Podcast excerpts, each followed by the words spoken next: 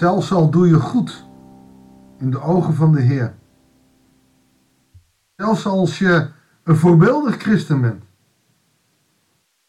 ontkom je niet aan de gebrokenheid in deze wereld. Is dit wel het mooiste voorbeeld vanuit Twee Koningen? Als jij gelooft om hier gelukkig te worden en gezond te zijn en rijk te worden, dan is je motivatie verkeerd. In deze wereld waar al die ellende en rottigheid heerst, mag je als christen weten dat God bij je is en hij je kracht zal geven om te dragen wat jij dragen moet. Hij zal je uitkomsten geven daar waar jij uitkomst nodig hebt. Maar hij zal je niet rijk maken, hij zal je niet aan alle ellende onttrekken. Hij wil alleen voor jou zijn. Maar uiteindelijk de ellende en de gebrokenheid betekent ook dat we zullen sterven. En als er iemand is die jou vermoordt, of als er iemand is die te hard rijdt en door een ongeluk kom je om het leven, dan is het einde daar. En wij mensen houden te veel vast aan het, aan het leven zoals we hier leven. Een Maranatha-christen, oftewel iemand die verlangt naar de wederkomst van Christen, weet ook dat als hij komt te sterven, dat hij naar de hemel zal gaan. Hoe dat eruit ziet, ik weet het niet. Maar je weet dat. En dat mag je troosten. Dat betekent niet dat je dan op een snelweg te hard moet rijden en zomaar wat moet doen. Nee. Want hoe langer we hier leven, hoe meer mensen we kunnen benaderen met de liefde en de genade van God. Oftewel als missionair werkers. Maar we mogen ook weten dat wat er ook gebeurt, als christen ook de ellende op ons levenspad zal komen, hij er altijd bij zal zijn. En hoe meer we ons op hem verlaten, hoe meer we gesteund en hoe we ons gesteund voelen door hem. Nou, dat is de gedachte die bij me opkwam toen ik dit gedeelte las. We gaan het nu samen lezen. Goedendag, hartelijk welkom bij een nieuwe uitzending van het Bijbels Dagboek. Uh, we lezen voor deze vrijdag 2 Koningen 12, de versen 10 tot en met 22. En voor de goede luisteraar, in zaterdag en zondag lezen we 2 Koningen 13. Die zullen we hier niet behandelen. En volgende week maandag gaan we een paar dagen in Lucas. En daarna verdwijnen wij in Filippe Pensen. Waarschijnlijk om zo op weg te gaan. Uh, zo langzaam richting de kerst. Want we gaan alweer op weg. Enfin, daar zijn we nu nog niet.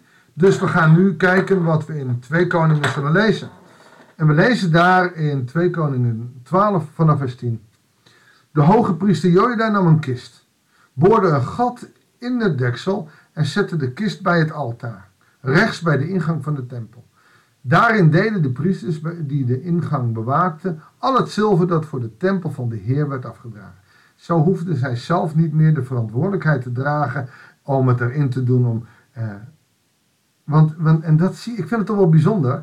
Of je nou priester bent, of je nou tollenaar bent, of je nou timmerman bent, of je nou belastinginspecteur bent, voorganger bent, of je huisvrouw of huisman bent. Als er geld binnenkomt, dan gebeurt er iets met ons. Geld heeft heel veel macht. Ook niet voor niets in de Bijbel de mammel. En we hebben het nodig. Maar wanneer we minder kunnen uitgeven, meer kunnen ontvangen, dan zullen we daar blij mee zijn, want en er heel veel mensen gaan marchanderen. Ik geef dat niet op aan de belasting, zodat ik iets meer overhoud, zodat ik iets meer voor mezelf heb. En, en heel gauw gaat het marchanderen, frauderen worden. En we, we wandelen allemaal, en daar ben ik van overtuigd, op een heel dun kabeltje. En we zijn heel makkelijk, stappen we er vanaf en zeggen we doen het gewoon. En dat vind ik best wel een dingetje. Laten we verder gaan. Wanneer ze zagen dat er veel zilver in de kist lag, lieten ze de hofschrijver en de hoge priester komen om het zilver dat zich in de tempel bevond in zakjes over te doen en die te tellen. Maar dat deden ze niet zelf, om niet in de verleiding te komen een deel van het zilver te houden. Want wat in de kist kwam, was echt voor de tempel. Het zilver werd in afgewogen hoeveelheden overhandigd aan de bouwmeesters die met herstel van de tempel waren belast. De bouwmeesters betaalden de timmerlieden, metselaars, steenhouwers en andere werklieden die aan de tempel werkten, zodat zij balken en gehouden steen konden aanschaffen om de bouwvallige gedeelten van de tempel te herstellen en bekostigde ook verder alles wat er voor herstelwerkzaamheden nodig was. Je hebt dus een opdrachtgever en onderaannemers die het zo doen. Het zilver dat voor de tempel van de Heer werd afgedragen, werd niet gebruikt om zilveren schotels, messen en trompetten of andere zilveren of gouden voorwerpen aan te schaffen. Alles werd aan de bouwmeesters gegeven om de herstelwerkzaamheden mee te bekostigen. De bouwmeester die het zilver aan de werklieden moest overhandigen, hoefde geen rekening te overleggen, want zij waren door en door betrouwbaar. Waarschijnlijk is daar een selectieprocedure geweest. Ook hier krijg je natuurlijk wel weer de betrouwbaarheid, waar wordt die aan getoetst? Als priesters al niet volledig betrouwbaar zijn en de verantwoordelijkheid niet aankunnen, hoeveel dan meer de bouwmeesters? Maar goed, ze waren geselecteerd en zien dat ze door en door betrouwbaar zijn. Zilver voor hersteloffers en reinigingsoffers werden niet voor de tempel van de Heer bestemd. Dat bleef voor de priesters. Dus er wordt wel voor de priesters gezorgd. Dat heeft in de wet van Mozes, in Leviticus, is dat al uitgewerkt. In die tijd rukte koning Hazael van Aram op tegen Gad. Hij belegerde de stad en nam haar in. Vervolgens nam hij zich voor tegen Jeruzalem op te trekken. Die Hazael, die is ook wel, ik zeg maar even, even grof, stront eigenwijs. Hij heeft al zoveel tegenslagen gehad. En nu denkt hij, met zo'n jonge koning kan ik er wel tegenop.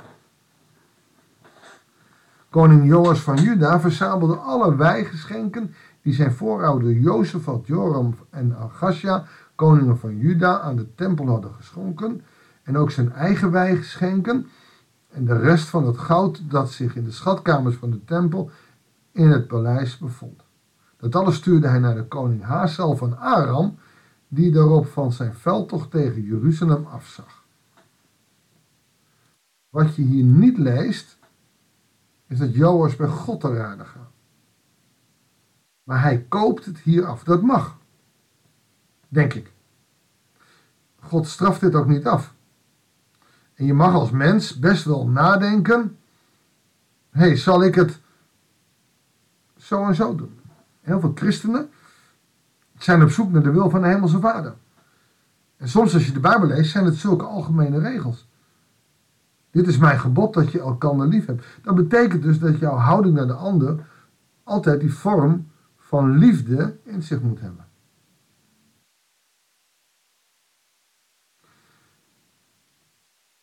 God is niet geraadpleegd, maar je hebt ook zelf verantwoordelijkheden gekregen.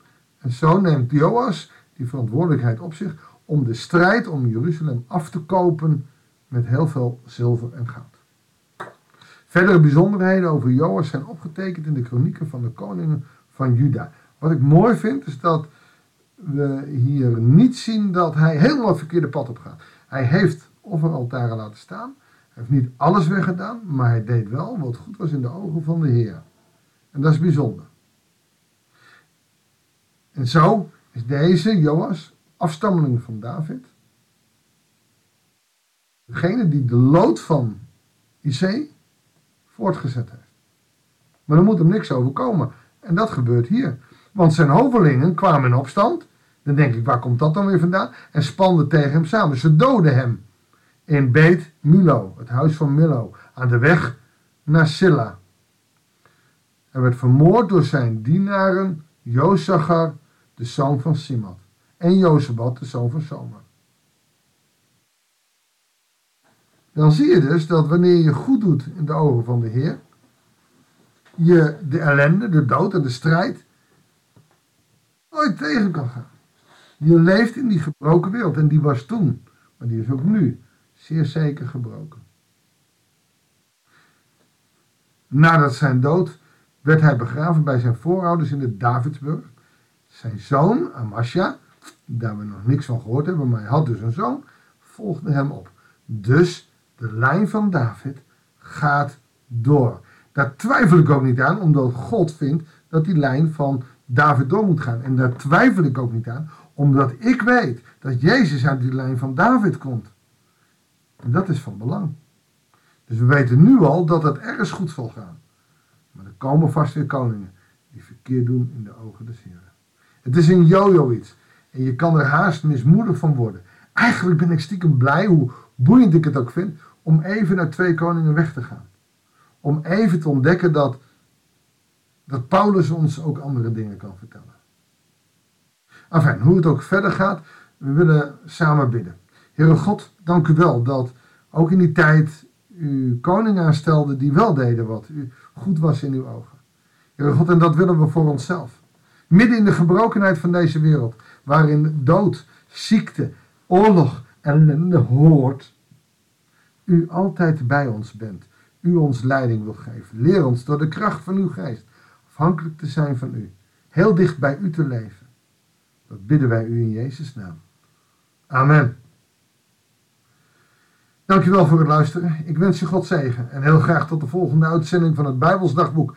En voor nu, een goede dag, een goed weekend. Neem de woorden nog eens mee. Ik wens je God zegen. Tot kijk.